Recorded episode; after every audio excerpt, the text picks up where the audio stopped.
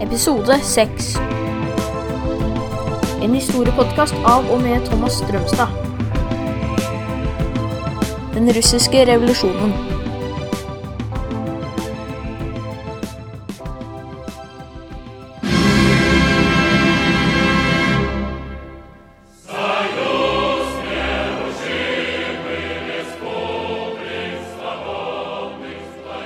Hallo, hallo alle sammen. Her er Thomas med russisk revolusjon. Et veldig spennende tema som dere bør vite litt om.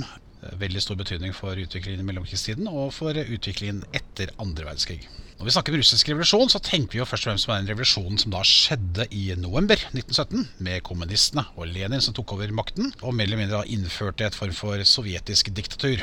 Men uh, det var også en annen hendelse i 1917, nemlig den borgerlige revolusjonen i mars 1917. Så det var to revolusjoner eh, som egentlig da skjedde i 1917. Kommer tilbake til det. Bakgrunnen for at det oppsto en revolusjon i Russland i 1917 er selvfølgelig knyttet til utviklingen da i Russland i foregående periode. Fra 1815 og frem til 1917 så skjer det masse. Hvis vi da går frem til slutten av 1800-tallet, så var det slik at Russland var jo da en av verdens største oljeprodusenter. Man fikk utbygging av infrastruktur som f.eks. jernbane, og landet eksporterte mye korn.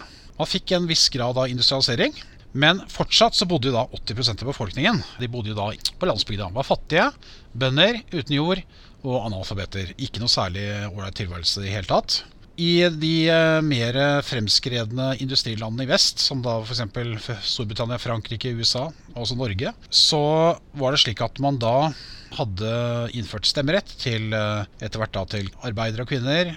Man hadde da åpnet for at det ble, var lov til å danne nye politiske partier og fagforeninger, slik at folk da kunne få lov til å i mye større grad være med å påvirke det politiske systemet. I Russland derimot så holdt tsaren et jernhånd over dette her, og sørget for at, altså at det, man undertrykket da demokratiske bevegelser. Og ikke minst så brukte han jo altså sitt veldig forhatte hemmelige politi, senere etter hvert da kalt KGB, til å overvåke eh, da eh, folk som var imot hans regime.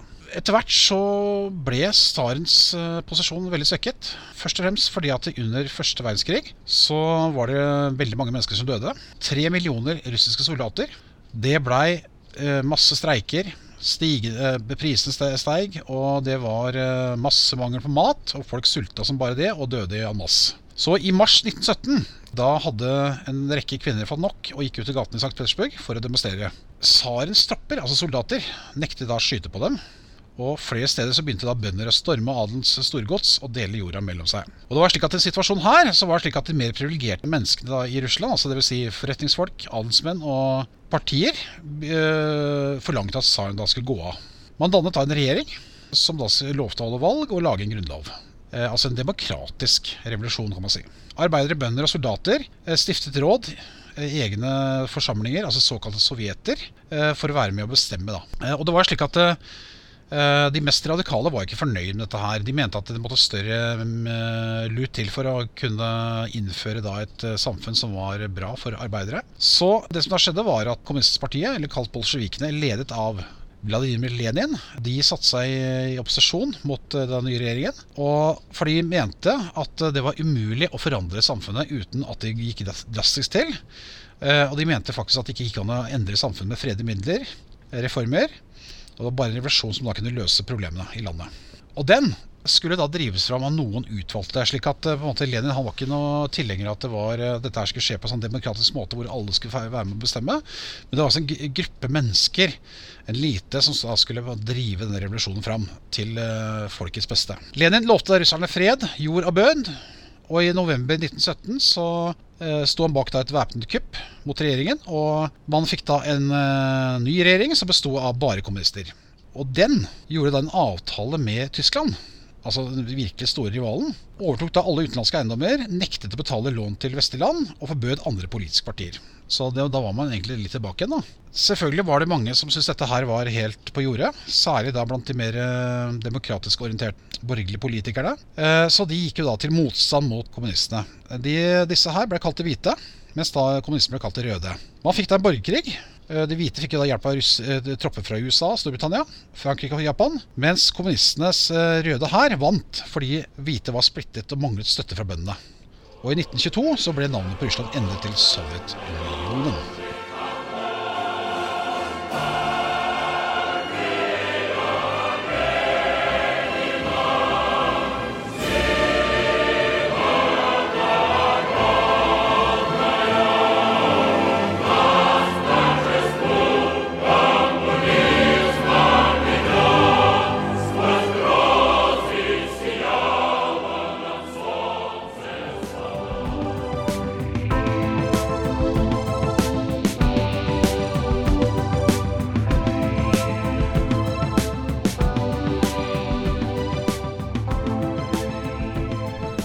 Du har hørt en historiepodkast av og med Thomas Strømstad.